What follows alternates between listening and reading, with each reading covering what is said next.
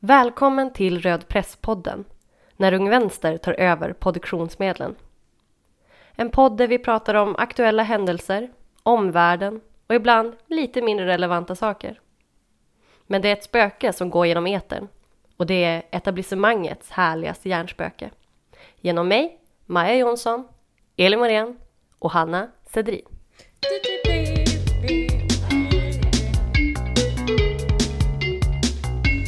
You be scared of anybody, any place who will not stand up for world peace now.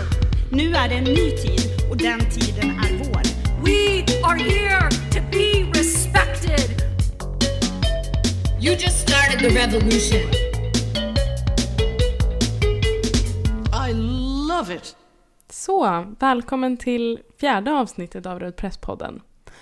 Eh, och i det här avsnittet så ska vi prata framförallt om ensamkommande flyktingars situation och asylpolitiken som har lett fram till det eh, splittrade samhället vi har idag där ensamkommande barn lider extra ont.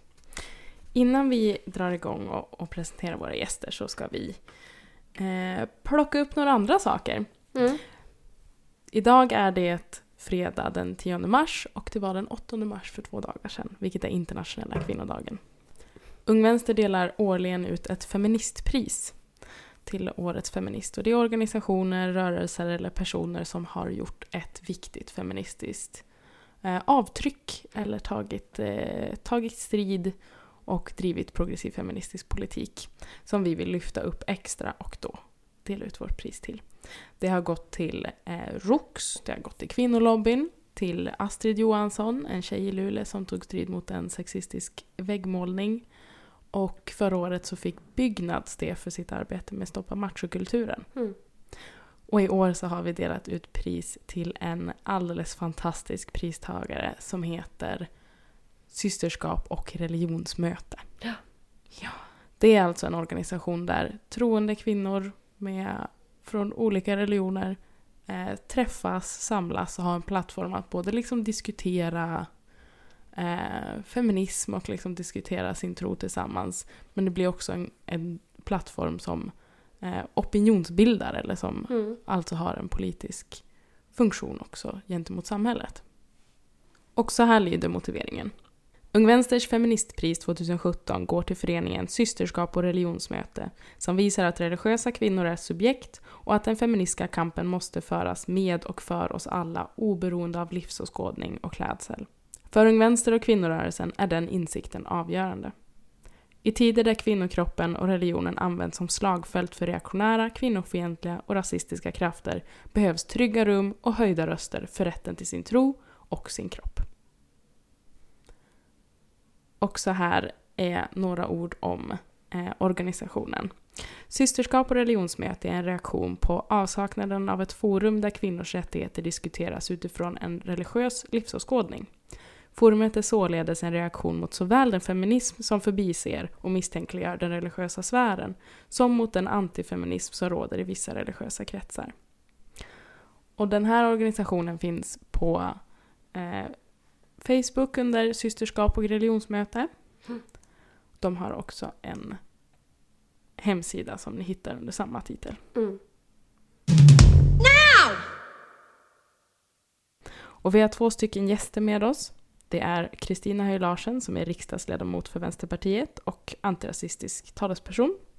Och vi är också nyvalda ordförande för Ensamkommandes förbund, som är ett förbund som just samlar ensamkommande unga i Sverige. Och det är Mabuba Madadi från Afghanistan. Och vi gör det här avsnittet för att det är en akut situation för ensamkommande i Sverige. Utvecklingen har gått väldigt snabbt och det är inte alltid lätt att hänga med på eh, vilka politiska svängar som har tagit och varför det sker. Så jag tänkte att vi ska ta en tillbakablick till att börja med och kolla på vilka politiska beslut som har eh, lett oss fram hit där vi är idag. Jag tänker att 2014 när Reinfeldt avgick så uppmanade han svenska folket att öppna sina hjärtan.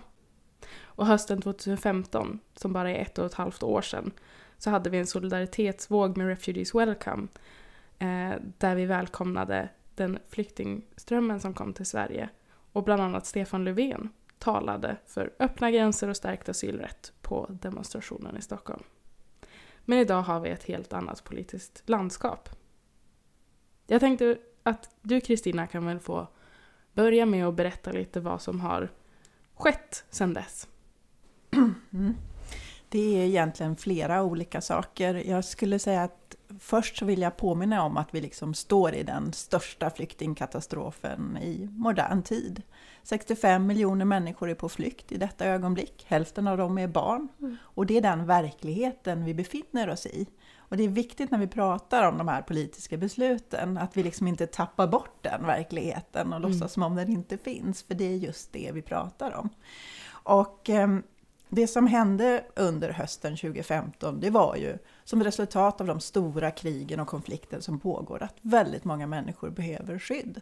De allra flesta stannar i närområdet, men även några, en liten, liten rännil tar sig vidare och tog sig vidare till Europa.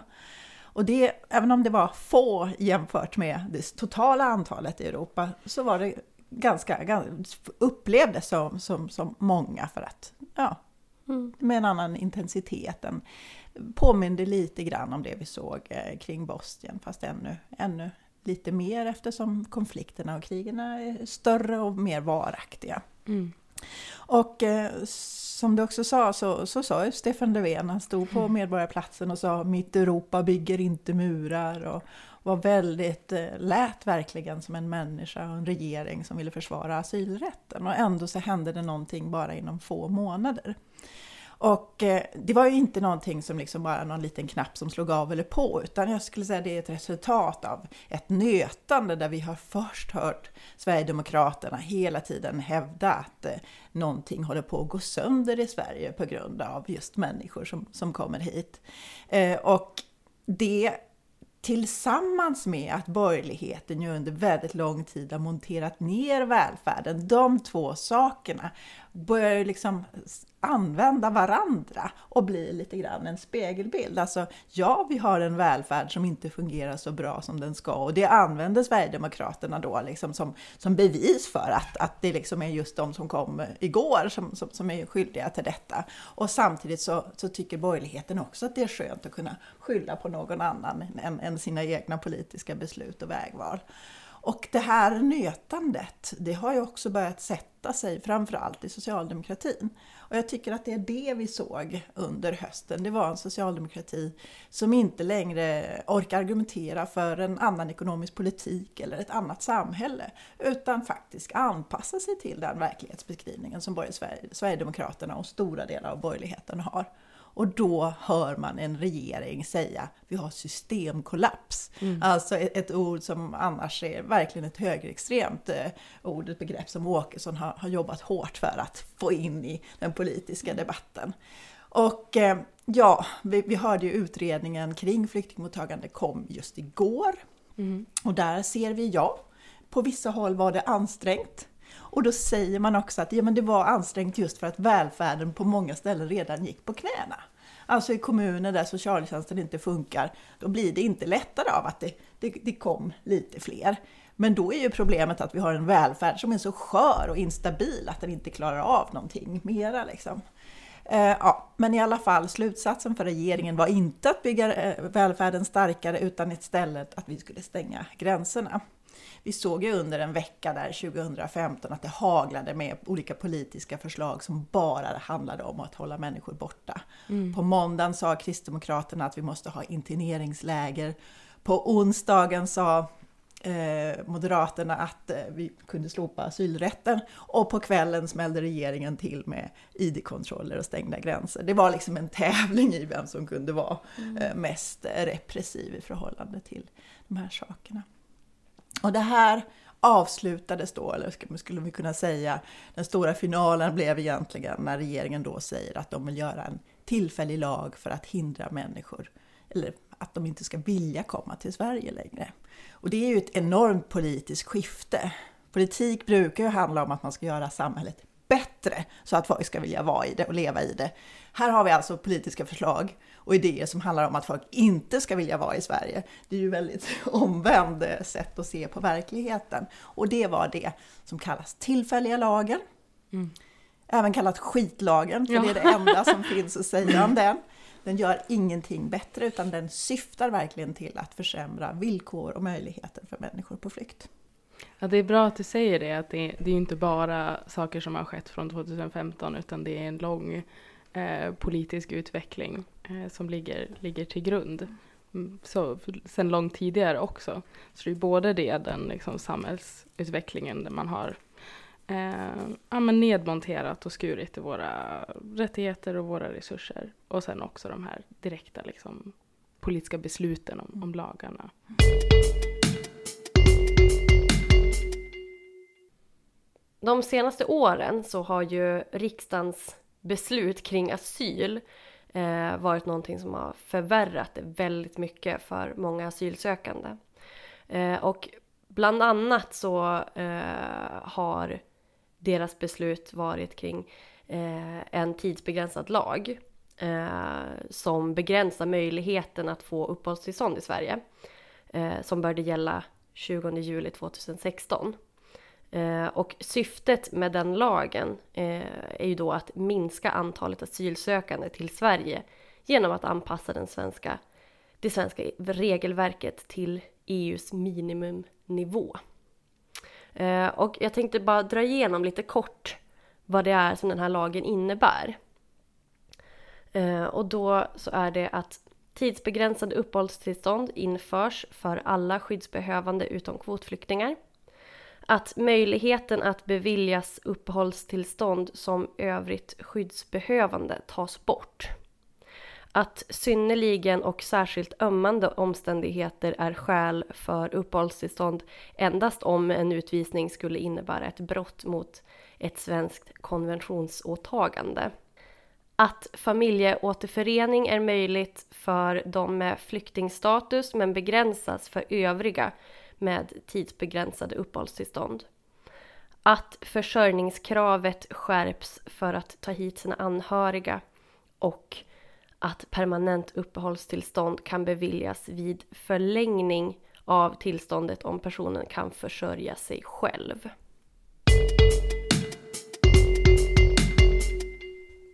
Ja, och eh, vi har ju också Mabuba Madadi med oss och det är vi jätteglada för. Välkommen hit, du har tagit dig ända från Lund.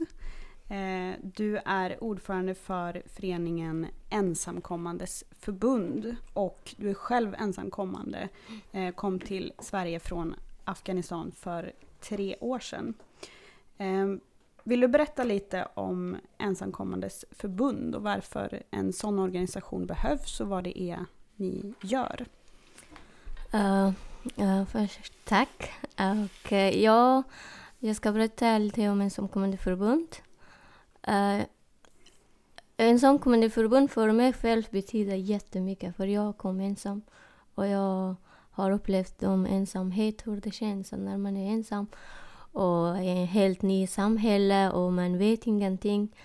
Så jag har upplevt svåra situation faktiskt att någon, alltså man behöver någon att, att prata, man behöver någon att, eh, att säga hur samhället fungerar, hur man kan få hjälp med, läxi, med, med läxor, med skol, eh, eh, med skolor. Och, men uh, ensamkommande förbund här i Malmö, uh, vi har olika aktiviteter som vi fixar till alla ungdomarna. Och eh, vi vill att de känner sig inte ensamma ändå. De känner, men vi försöker i alla fall att hjälpa lite grann, att vi är för varandra.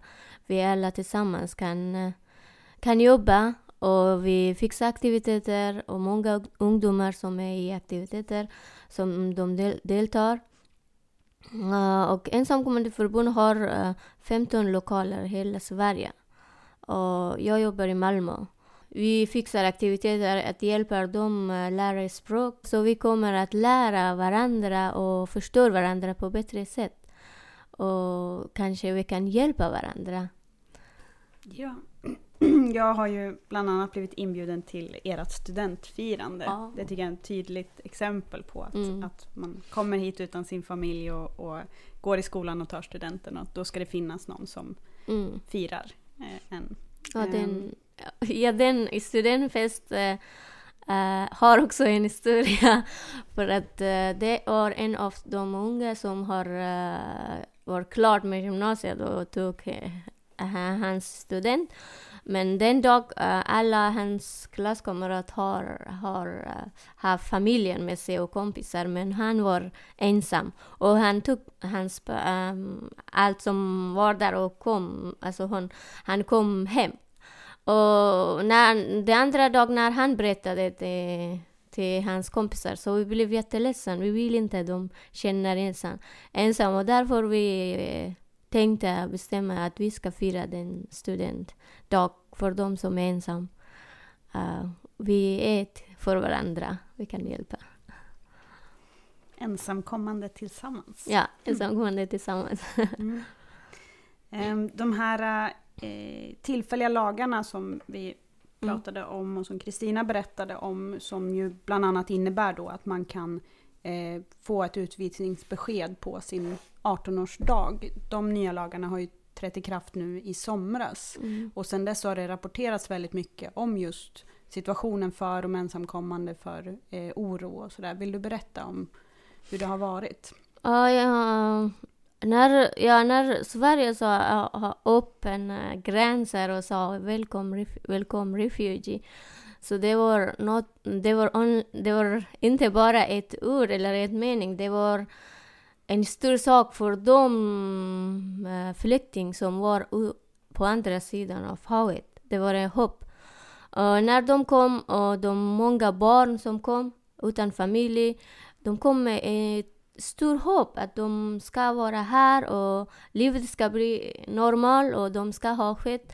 Men uh, när uh, Sverige har, uh, alltså, alltså lagar har blivit, mm, hur man kan säga, förändrats. Ja. Mm. Så det påverkar alla ensamkommande, alla som är, väntar på asyl, på uppehållstillstånd eller på alltså, besked, att eh, ha, att ha besked från Migrationsverket, det påverkade alla. Och alla är, många ungdomar, de är jätteoroliga, de är hopplösa faktiskt. Och, alltså jag jobbar med dem varje dag, jag ser dem. Man blir jätte...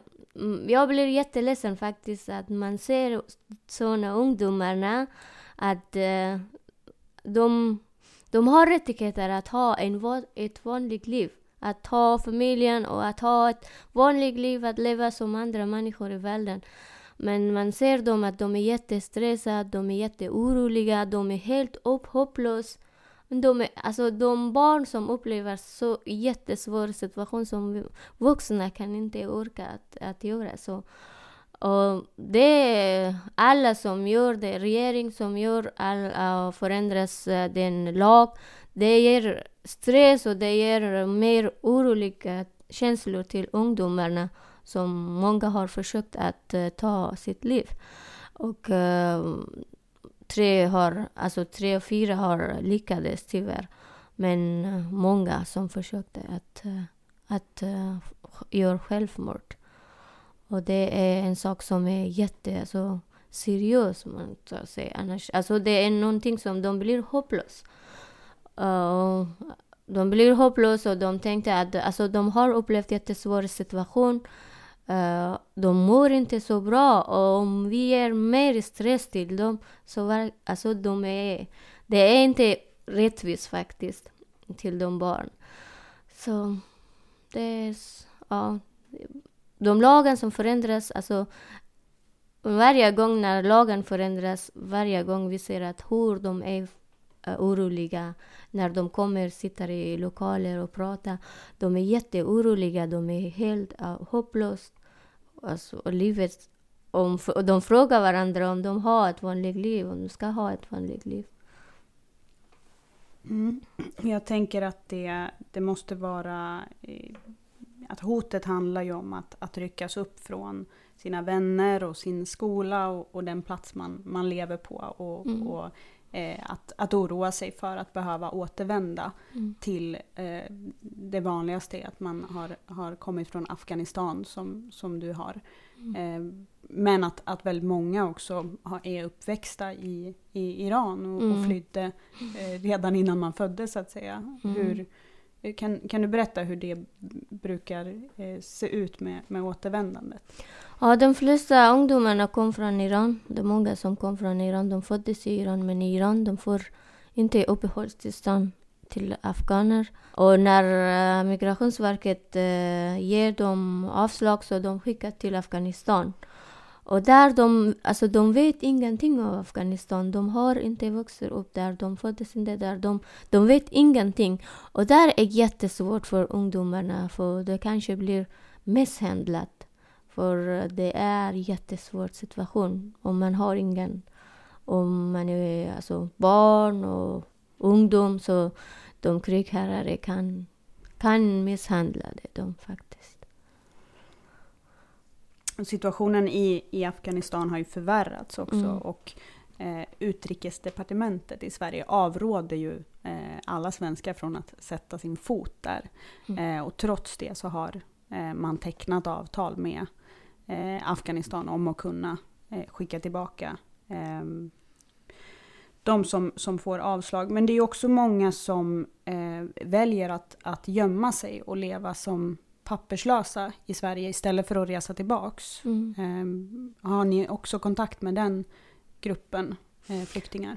Ja, vi, alltså, vi har kontakt.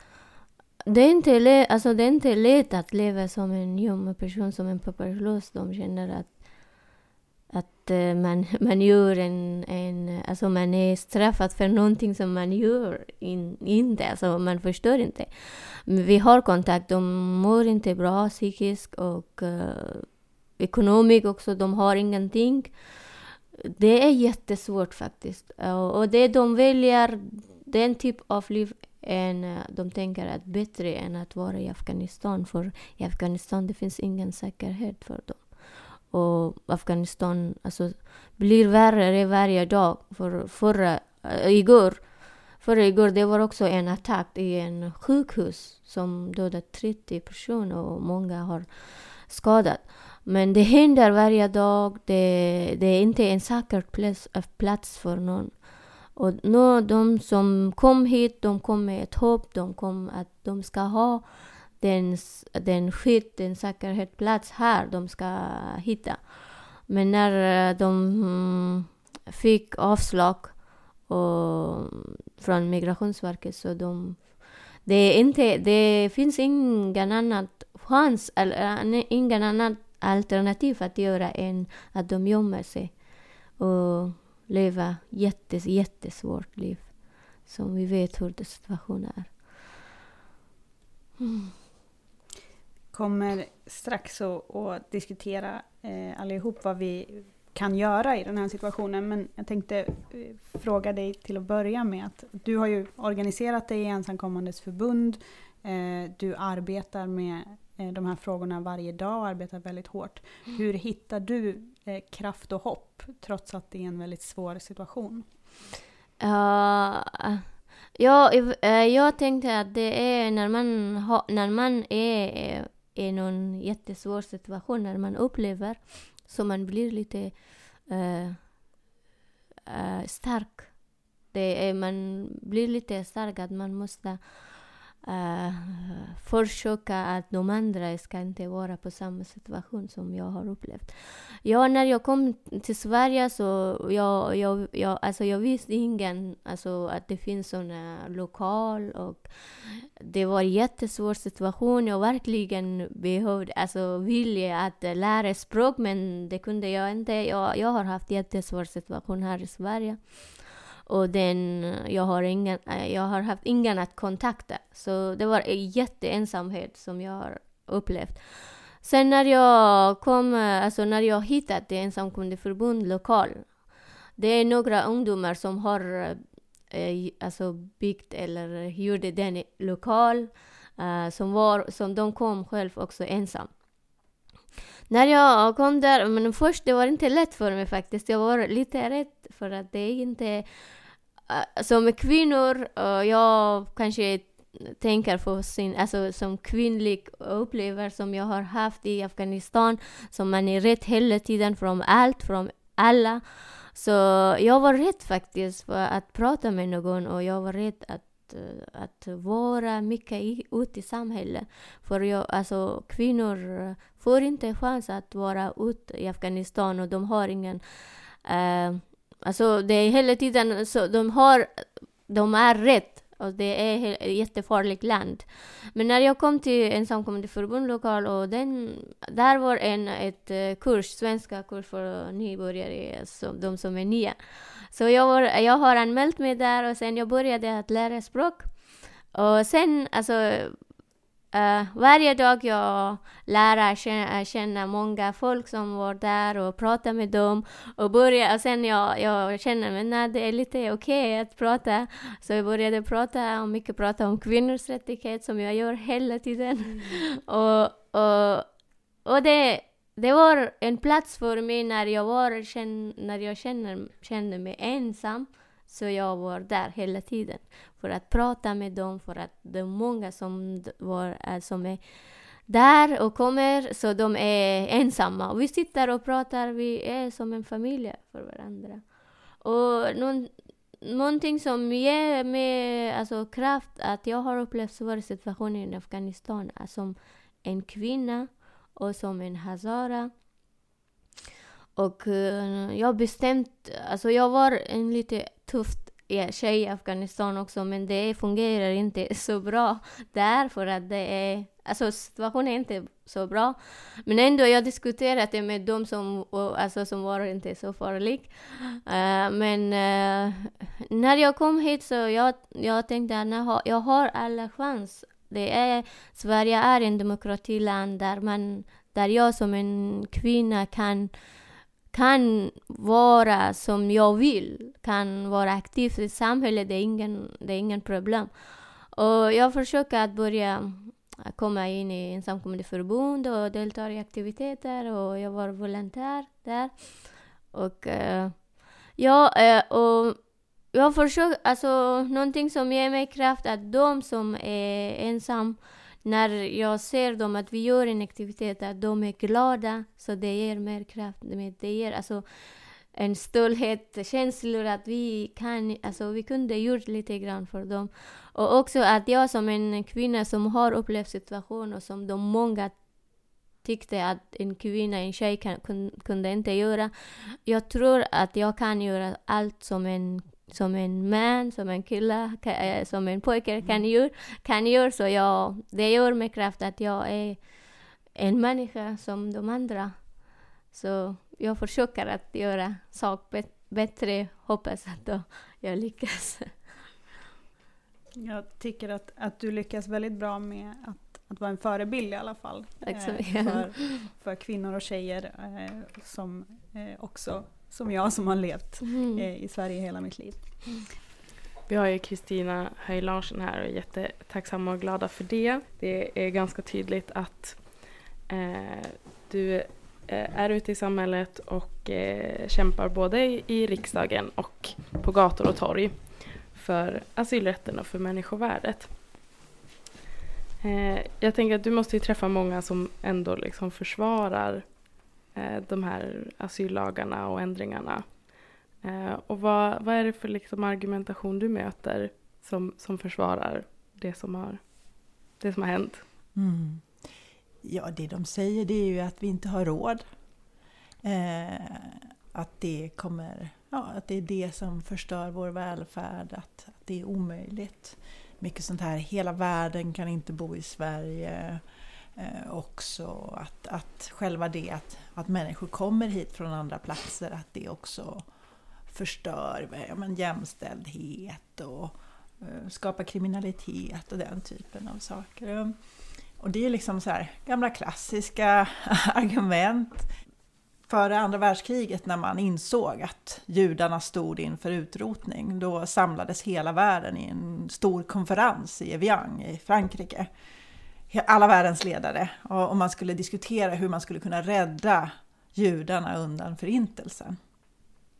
Och då sa världens, och man, vart ska de få ta vägen? Och då sa alla, nej men vi har inte råd. Vi har inte plats. Och de kommer skapa ett ljudproblem hos oss och de kan inte integreras. Mm, alltså exakt, så, alltså, det är så otroligt sorgligt när man läser texterna. Så hör man ju Jimmy Åkesson och man hör, man hör Anna Kinberg Batra. Och man, alltså man hör, och vi vet ju alla vad som hände. Och vi står i en, inte, inte exakt samma situation, men i en situation där vi alla sitter framför TVn och ser exakt vad som händer. Och då säger vi att nej, vi har inte plats och vi har inte råd och vi har inte tid och vi vill inte veta av det och stänga alla gränser och stänga alla dörrar. Istället för att diskutera hur vi skapar ett samhälle som rymmer fler. För det går, det är en politisk vilja Mm. att också rusta välfärden, att bygga den större och starkare. Och när vi gör det, då kommer vi också liksom behöva fler människor och så vidare. Och så vidare. Det här är liksom, det är ju inte så att det finns ett visst antal människor i ett land och sen är det slut, utan det kan utvecklas. Och vi ser, vi, vi blev just 10 miljoner i Sverige och vi kommer fortsätta att bygga på det. Det handlar om att då måste vi bygga bostäder, då måste vi göra investeringar i varandra och i vår gemenskap. Mm. Men, eh, men den ekonomiska diskussionen är vi ganska långt ifrån. Och det är därför, eh, vad ska man säga, även socialdemokrater börjar tryta och inte riktigt vet vad de ska göra. För att de har glömt bort vem samhället är till för, nämligen oss. Mm. Men det, och det är ganska många ändå som, som inte står ut heller. Jag tänker Ah, på, ja. på, ja, på eh, folkrörelseupprop för, för amnesti. Men, och vilka är det som, som inte står ut? Vilka är de som stä, står upp och försvarar människovärdet? Jag skulle säga att de som inte står ut, det är ju alla som träffar människor på riktigt. Alltså lärare, gode män, de som jobbar eh, i, i hem för ensamkommande eller de som bara liksom råkar vara med i fotbollslaget och upptäcker att nej men nu är det någon, någon i laget som ska utvisas. Liksom. Alla som, som skapar relation och förstår att vi behöver varandra. Alla vi, vi står inte ut med det. Och, eh, och, och, och jag tycker att den politiken som förs också är ett svek mot alla oss som tror på varandra. Och att det är så otroligt skönt att se när folk träder fram och säger nej men det, vi går inte med på det, vi kommer inte acceptera att, att, att någon av oss ska bort. Eh, så att det är jättemånga och jag tycker att vi växer oss starkare. Så det är den tiden vi befinner oss i, är lite sådär en polarisering. Och ibland när man står i den här änden där vi tror på varandra så tittar vi liksom hela tiden bara på, på eh, ja, de här ondskefulla krafterna som vill putta bort någon av oss. Men jag tror det är viktigt att vi ser oss om och tittar på varandra och ser att ja, det finns ju massa kraft här och att vi växer också och inte bara stirrar in i mörkret om man får säga så och sitta och titta på Hanif Balis kommentarer på Twitter. Sluta med det, utan titta Mm. på varandra och gör någonting vettigt eh, tillsammans istället. Mm. Ja, verkligen. Det känns som att det är en hel massa människor som står liksom eh, obeslutsamma eller liksom som står mitt emellan och eh, varken tar ett kliv åt det hållet men kanske då indirekt tar en ställning åt andra hållet. Mm. Vad, som är orolig för utvecklingen, undrar om det inte är så att vi har ett invandringsproblem. Mm. Vad säger man till dem? Jag tror att man säger att, att det beror, alltså vi, kan, vi kan välja hur vårt samhälle ska se ut och vi kan välja varandra. Och jag, tycker, jag tror att många eh, egentligen inte tror att vi har ett invandringsproblem, det är bara att de är nästan lite, man blir lite, känner hopplöshet och blir nästan lite apatisk och vet inte riktigt vad man ska göra. Och jag tror att det är det som är utmaningen, det är att vi liksom försöker rikta människor lite till, men du kan göra det här, du kan gå till lokalen på ensamkommandes förbund och kanske fråga om det är någonting om vi ska göra någonting tillsammans. Och jag tror att det som också är utmaningen det är att vi måste bygga ihop olika delar av rörelserna. Vi har varit i ett ganska en lugn period där rättigheterna inte har varit lika hårt under attack. Nu är de det på nästan alla fronter och då kämpar alla på varsitt håll. Jag tror att vi måste samlas mycket mer. Igår var jag och träffade människor som har arbetskraftsinvandrat och vi pratade just också om, om ensamkommande och de sa så här, vi måste ju gå ihop med dem för vi ser att våra rättigheter attackeras och deras också och det hänger ju ihop. Ingen kommer, de kommer liksom inte nöja sig med att, att plocka bort en rättighet utan det blir nästa och nästa och nästa.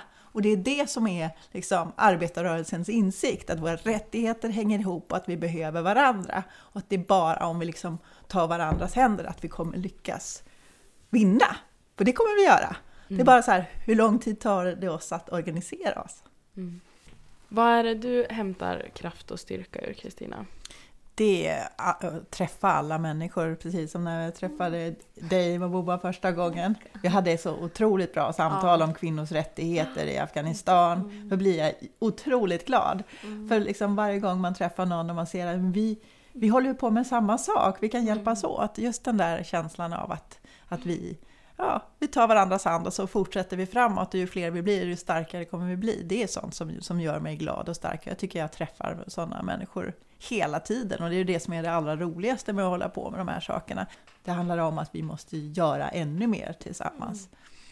Det finns massa, massa, massa hopp. Det är bara som sagt att, att lyfta blicken och se på de som är omkring oss istället för att bara se på de som inte vill som vi. Jo, men det känner jag ofta att eh, om man inte har tid att, att vara med så mycket ett tag, att det är då man kanske inte orkar. Men när man väl är ute och när man samlas och när man träffas så ger det ett sånt enormt lyft för en själv också. Just- Och då, då, då handlar det inte om att orka mer, utan man, det, är, det är det man vill göra. Liksom. Precis. Och då tror jag också att eh, ja, men ibland så kommer vi känna hopplöshet eller rent av förtvivlan eller inte helt se vilken väg vi ska gå. Och då gäller det ju igen att vi använder oss av varandra, att man säger så här, nu känner jag så här, vad ska vi göra? Och då kanske du har en, en bra idé, att, att man får turas om lite grann och känna det där och man får lyfta varandra och hålla i varandra så kommer det gå bra. Och kom ihåg att fascismen har aldrig någonsin segrat. För att människor önskar sig, vi önskar frihet och rätt till våra liv och våra kroppar. Så att det, det är ingen fara, det är bara en fråga om hur lång tid den här lilla pausen ska ta innan vi fortsätter framåt igen. Now!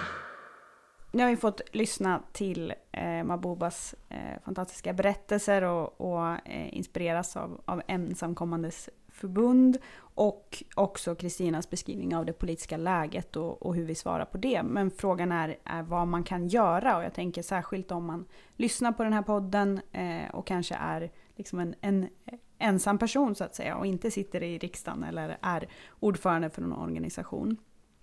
Eh, och eh, en anledning till att vi gör det här avsnittet är ju också att det pågår en kampanj nu som heter Röda tråden och som har startats av ett nätverk som heter Vi står inte ut men vi slutar aldrig kämpa. Eh, och den här kampanjen handlar om att kräva amnesti eh, åt alla ensamkommande. Eh, vad, vad kan man göra för att eh, vara med i den? Eh, tänker jag vi ska prata om. Och också vad kan man göra i övrigt? Hur kan man eh, stötta de ensamkommande eh, som befinner sig i landet nu och eh, också i en, en vardagskontext och inte bara eh, prata om, om liksom de politiska besluten. När det gäller eh, den här väldigt viktiga kampanjen eh, för amnesti för, till, till ensamkommande som har varit här i mer än ett år så är det ju det är en helt nödvändig kampanj. För vi, det, som sagt, vi har pratat om skitlagen och effekten av dem. Vi vet också att väldigt många har, har utsatts för så här åldersuppskrivningar och, och som inte alls är rättssäkra. Det säger även Migrationsverket och i det här läget finns det inget annat vettigt att göra än att helt enkelt ge en amnesti. Man kan skriva under på den eh, namninsamlingen, man kan eh, gå in och gilla Vi står inte ut eh, på Facebook. Får man mer information om vad som händer och pågår där. Och utöver den kampanjen så finns det ju mer man kan göra, tänker jag, mer i sin vardag. Som handlar om att Precis som Abuba berättade, liksom, när vi är ensamma då känner vi allihopa oss ganska små och, futtiga och då kan man organisera sig politiskt i Ung Vänster eller i Ensamkommandes förbund. Man kan också se vad som går att göra lokalt, går det liksom hitta på någon aktivitet tillsammans. Alltså så här, ganska enkla vardagliga saker. Och på gymnasiet så är det ju ofta så eh, fortfarande tyvärr att, att eh, många nyanlända och ensamkommande går lite för sig i, i gymnasieskolan. Att man också kan försöka få till mer kontakt och att man gör mera tillsammans eh, på skolan. De, de sakerna tycker jag är viktiga. Vad tycker du? Ja, jag tycker eh, ja, det, var, det var ver- verkligen de sakerna är Ja. jätteviktiga. Eh, jag tycker att eh, folk, vanligt folk, om de kan så de kan gå på boende om det är möjligt. Träffa de ungdomarna. eh, lära känna dem och prata, sitta och en timme eller 30 minuter, 20 minuter prata med dem. Eh, det är många ungdomarna som behöver verkligen att någon kommer och pratar med dem. De är, alltså, känner jätteensamma. De går i skolan men sen de kom på boendet. Sen de behöver någon att komma och sitta med dem och lyssna på dem. Det är många som behöver det. Och det är, jag tror, många, många som kan det. Och till exempel på, mm, i jul, så alla firar jul, men de som är i, på boendet, så de, några boenden har gjort ingenting. Så de ungdomarna, det var allt var stängt ut, utan boendet. Så de var där inne på boendet och visste ingenting att det är det är någonting händer i Sverige eller det är någonting, någon, alltså, eller det är jul men de vet inte om det är hur till exempel de firar. Och det är många ungdomar som bodde jättelång tid i, på boendet. De, de tänker att jag, jag tror inte det finns familj här i Sverige. Om folk har familj, för det är, vi, jag känner mig att det finns inga, alltså alla bor för sig själv, alltså det är ingen familj men, eh, som de upplevt. eh. Så det tror jag att jag fixar aktiviteter, alltså många folk som den som vi står inte ut. Och den är, alltså det ger mer kraft och mer hopp till många ungdomarna att vi inte är ensamma. Det är hela folk, vi hela samhället är med oss. Så de har alltså ett stort hopp och stor tänker som att de, de känner sig redan del av det samhället.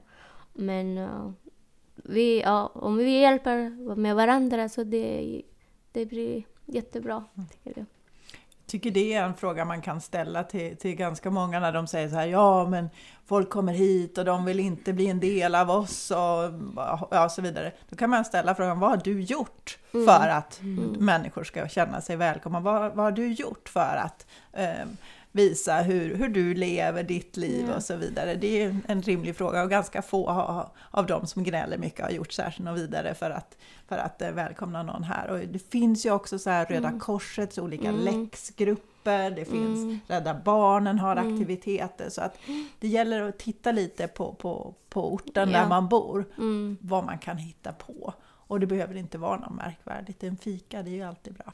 Jag tänker att det också är jätteviktigt bara att berätta om eh, de ensamkommande och också visa på de olika mänskliga liksom, erfarenheterna som eh, ni har av, av att leva både i Afghanistan till exempel eller i Sverige och att det i sig är liksom en, en, eh, en politisk handling att eh, lyssna på dig eh, och, och försöka förstå hur, hur du har haft det och hur du resonerar kring, kring ditt liv nu. Därför att eh, det, det är ju en jätteviktig del av att upprätthålla den här asylpolitiken. Att vi avhumaniserar, vi exotifierar, vi får det till att det här är någonting som är annorlunda och främmande snarare än att se varandra och hitta de här gemensamma eh, punkterna att mötas på. Eh, och jag tänker också att, att det är en viktig princip liksom i, i vad vi kan göra. Alltså att inte göra det så svårt eller dramatiskt. Att det handlar om, som du säger, Mabuba, om att liksom bara fika tillsammans, Ja, prata lite, titta på varandra, Mm. eh, lyssna. Eh, och att det inte måste vara liksom en, en jättedramatisk, Mm. eh, superstor politisk aktion som, som man gör.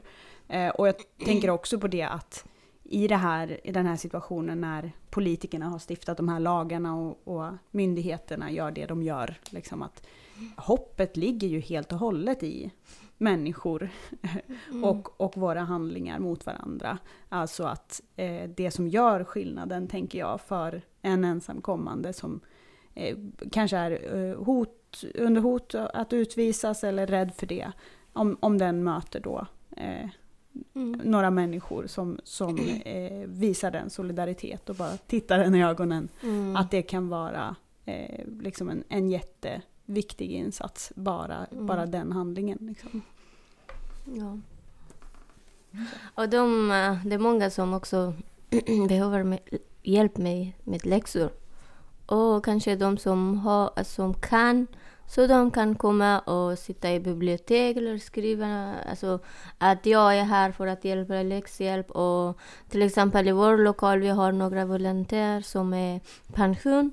Men de kommer och hjälper och de är jättestor hjälp faktiskt. Och, de, eh, och vi har läxhjälp tre dagar per vecka och det är många som kommer. Det är många som behöver. Och också en, det är två två generationsträffar, alltså de sitter också och pratar om vad, hur, alltså hur var Sverige, de sitter och berättar. Och där man lär också lär sig den historien. Och det gör man, det kan man göra om, om, om någon har tid att sitta och komma och sitta med de ungdomarna. Så det är olika saker som man kan göra. Mm. Och vet man inte vart man ska börja, ja men då kan man ju höra av sig till ensamkommandes förbund och se om de finns på orten. Man kan prata med kommunen. De flesta ensamkommande går ju i skolan och går eh, SFI.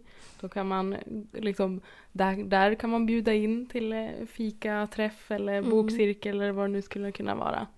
Och ibland så kan det ju kännas kanske lite läskigt att göra det där igen helt ensam, utan man kanske kan prata med en kompis eller Mm. någonting, så tar man tag i varandra och så blir det Mm. genast lite, lite lättare. Ja, man har en bästis Ja. som också vill göra något och så fixar man det tillsammans. Ja, jag har, jag vet inte, jag har ett hopp att det är, hoppas att de får eh, stanna här i Sverige. Eh, de som kom med stort hopp och de är unga. Och, och för att det finns ingen plats i Afghanistan. Att vara säker, att ha trygghet, att ha, att eh, ha den chans att utbilda eller ha utbildning. Så jag hoppas att de får stanna här och, och det är svårt just nu, kanske det är svårt för Sverige och, om de re, alltså regering tänker att det är många. Men de, de ska hjälpa, alltså de ska bygga framtid. De ska hjälpa samhället Sverige i framtid. Men det är bara att vi ger chans till dem och tid. Så sen de kommer att hjälpa, de kommer att uh, betala skatt, de kommer att vara del av den samhället. Men om vi, är, vi tar den chansen att nej, du, du får inte, alltså du, du, du, du jobbar inte eller du är inte del av samhället. Så det om de, om de är inte, så det känns att nej, det är samhället jag inte accepterar mig. Så det är någonting jätte, kan man säga, blir lite farligt också. Men om vi hjälper och ser och ger chans och ger tid så det blir en stor uh, sak att de i framtiden de ska jobba också. De ska vara en del av samhället. Vi befinner oss i en, en flyktingkatastrof eh, globalt och det är en väldigt liten andel som kommer till Sverige. Eh, så det minsta vi borde kunna göra, menar jag, är att, att skapa en trygg tillvaro för de eh, människor som, som har tagit sig hit. Mm. Jag tycker också att man ska fråga sig eh, vad, vad man själv, hur man själv hade haft det som Mm. tonåring, eller vad ens egna barn Mm. eh, upplever eh, i en sån situation. Eh, och att det faktiskt handlar om, om människovärde. Mm. Och att det, då, då finns det ingen fråga kvar menar jag. Mm. Vill tacka så mycket för att Kristina och Emma Boba var med oss nu i det här eh, avsnittet. Jätteviktiga röster och jätteviktiga perspektiv som ni kommer med. Så det vill vi tacka så mycket för.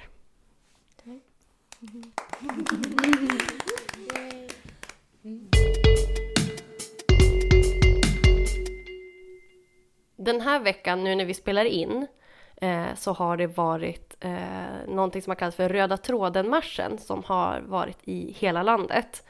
Eh, där man har eh, demonstrerat och marscherat för eh, amnesti eh, för ensamkommanden.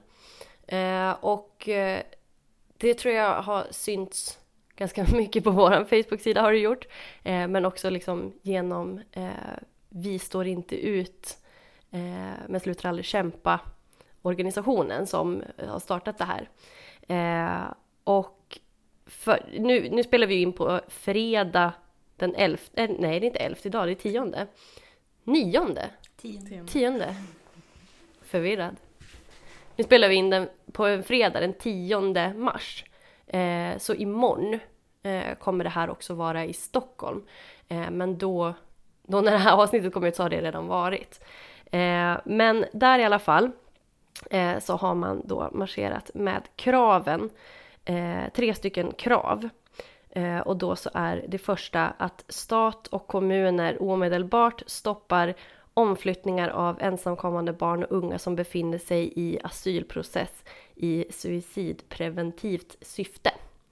Eh, det andra är att Migrationsverket fryser alla utvisningar för ensamkommande barn och unga omedelbart utifrån den rättsosäkerhet och brist på kunskap om barnperspektivet som råder på Migrationsverket.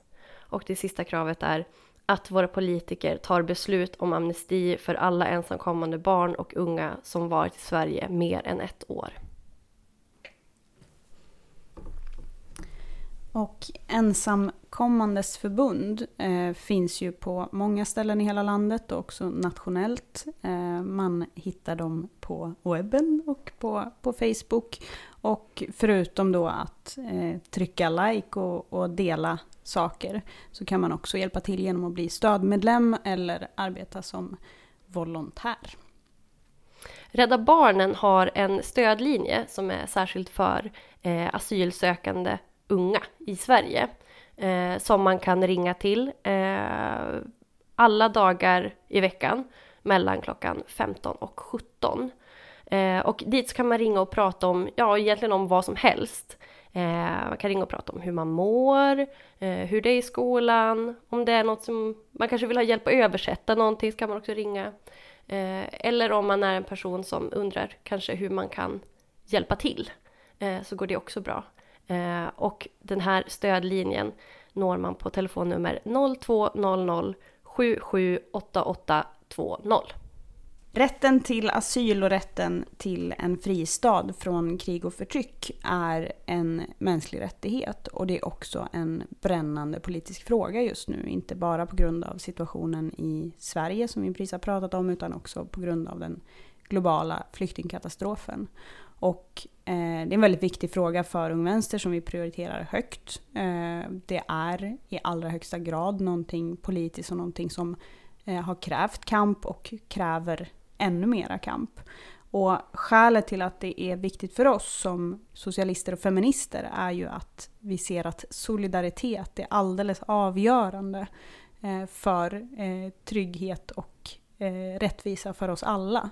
Alltså att de här mänskliga rättigheterna finns ju till därför att vi eh, i samband med andra världskriget insåg hur lätt det var att börja tumma på olika gruppers eh, trygghet och eh, möjlighet att, att leva i frihet.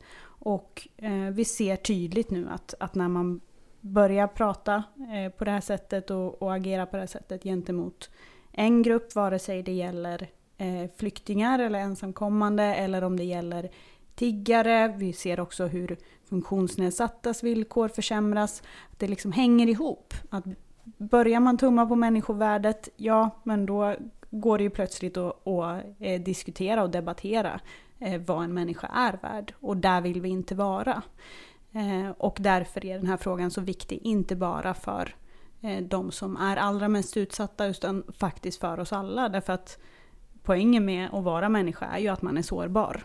Alltså, var och en av oss kan en dag eh, tvingas på flykt, bli arbetslösa, bli sjuka och då behöver de här eh, rättigheterna finnas där. Annars så kommer det vara den här lilla eliten som alltid sitter säkert, som fortsätter sitta säkert. Medan vi andra splittras och eh, hamnar i, i svårigheter. De här frågorna är så viktiga tycker jag därför att när man nedvärderar människor eh, beroende på ur, ursprung eller eh, kultur, det är ju att man förnekar ju en, en verklighet som vi alla måste leva i. Alltså hur mycket vi än eh, försämrar villkoren i Sverige, hur mycket vi än stänger våra gränser, så kommer det fortfarande vara miljontals människor på flykt. Och frågan är om man är villig att se det och, och möta det eller inte. Och vad det gör med ett samhälle och en värld när vi eh, väljer bort eh, Eh, att, att se människor som är i nöd eller som eh, reser i livsfarliga gummibåtar, eh, skickar iväg sina barn. Vad, vad säger det om oss och vad säger det om, om vår framtid? Jag tror att det viktigaste vi har att säga till varandra det är ju att det har aldrig eh, varit enkelt. Det har aldrig eh, skett utan motstånd när vi har eh, vunnit våra rättigheter, vunnit segrar. Utan det har alltid krävt hårt arbete, det har alltid funnits sådana här perioder när vi eh, förlorar, när många av oss lider och, och eh, när vi sörjer. Och att eh, så kommer det vara tills vi har, har vänt på det. Och det har vi alltid lyckats göra. Alltså att de här eh, rättigheterna som vi nu kämpar för är faktiskt sådana som vi en gång har vunnit. Att hela eh, poängen och det vi, eh, som är vår stora styrka, det är att vi inser och i, i praktiken visar att vi behöver varandra. Det är det som är solidaritet. Now!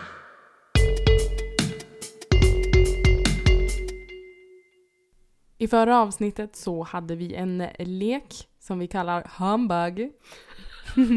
Ja. Som eh, alltså går ut på att eh, vi nynnade en låt som man skulle gissa. Vi har fått in eh, gissningar på tävlingen. Mm. Eh, och vi har även fått in rätt svar. Jajamän.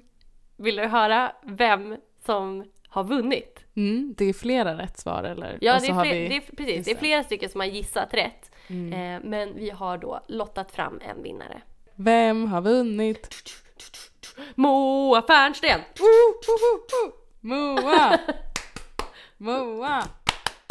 Grattis Moa! Grattis Moa eh, som skrev in låten Beautiful med Christina Aguilera. Ja, vi ska göra ett impression. Nej! Jo, vi har Ja! Ja! Tävla om som är bästa impression. Va? Och- Nej, ska jag också? Ja. Åh nej, jag trodde att det bara var du. Nej, nej, vi ska båda göra ett impression. Oh, vi har, fuck, ingen av jag oss har fått här- förbereda oss överhuvudtaget, utan vi ska göra det bara nu. Jag tänkte så här, det här blir jättekul att se Elin skämma ut sig, men det tror du med mig? Jag vet vad vi ska göra! Nej! Jo, Vadå? Reinfeldt. Ja. Okej, Okej, vem ska börja? vill du börja? Jag vill börja. Fan också, nu kommer du ta min, säkert mitt quote. Men okej, kör. Jag eh, kallar inte mig själv för feminist. Jag åt eh, frukost. Det var lätt yoghurt med banan och blåbärsmüsli. Nu ska ni alltså eh, få fighta om vem som var bäst på att imitera Reinfeldt. Vi kommer lägga ut en omröstning på vår Facebook-sida, Röd Press Facebook-sida på Facebook. Och så man kan rösta vem som gjorde bästa impression av eh, Fredrik Reinfeldt, före detta moderata partiledare. Var det Maja eller var det, eller var det Elin? Uh, nej, jag. Om man vill se mer av Röd Press emellan avsnitten, vad ska man göra då? Ja, men då kan man gå in på Facebook, Mhm. gilla oss där. Mhm. Eh, man kan också följa oss på Instagram. Just det. Och då, där lägger vi upp lite så här olika bilder och så här. Det här har vi gjort nu. Mm. Lite behind the scenes. Just det, det är lite for the nerds. Mm. Man kanske också vill ta del av vår tidning, som är vår medlemstidning Röd Press. Då kan man antingen gå med i Ung Vänster, för då får man en hem. Men man kan också teckna ett stödmedlemskap om man till exempel är eh, över 30 och inte nödvändigtvis vill vara aktiv i Ung Vänster. Ännu ett tack till våra gäster som var med i det här avsnittet. Och eh, eh, tack till er som har lyssnat.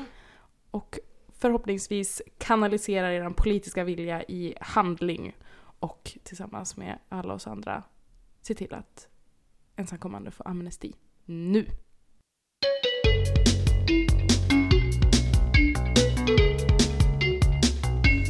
You be scared of anybody, any place, who will not stand for world peace now! Nu är det en ny tid och den tiden är vår. We are here to be respected. You just started the revolution. I love it.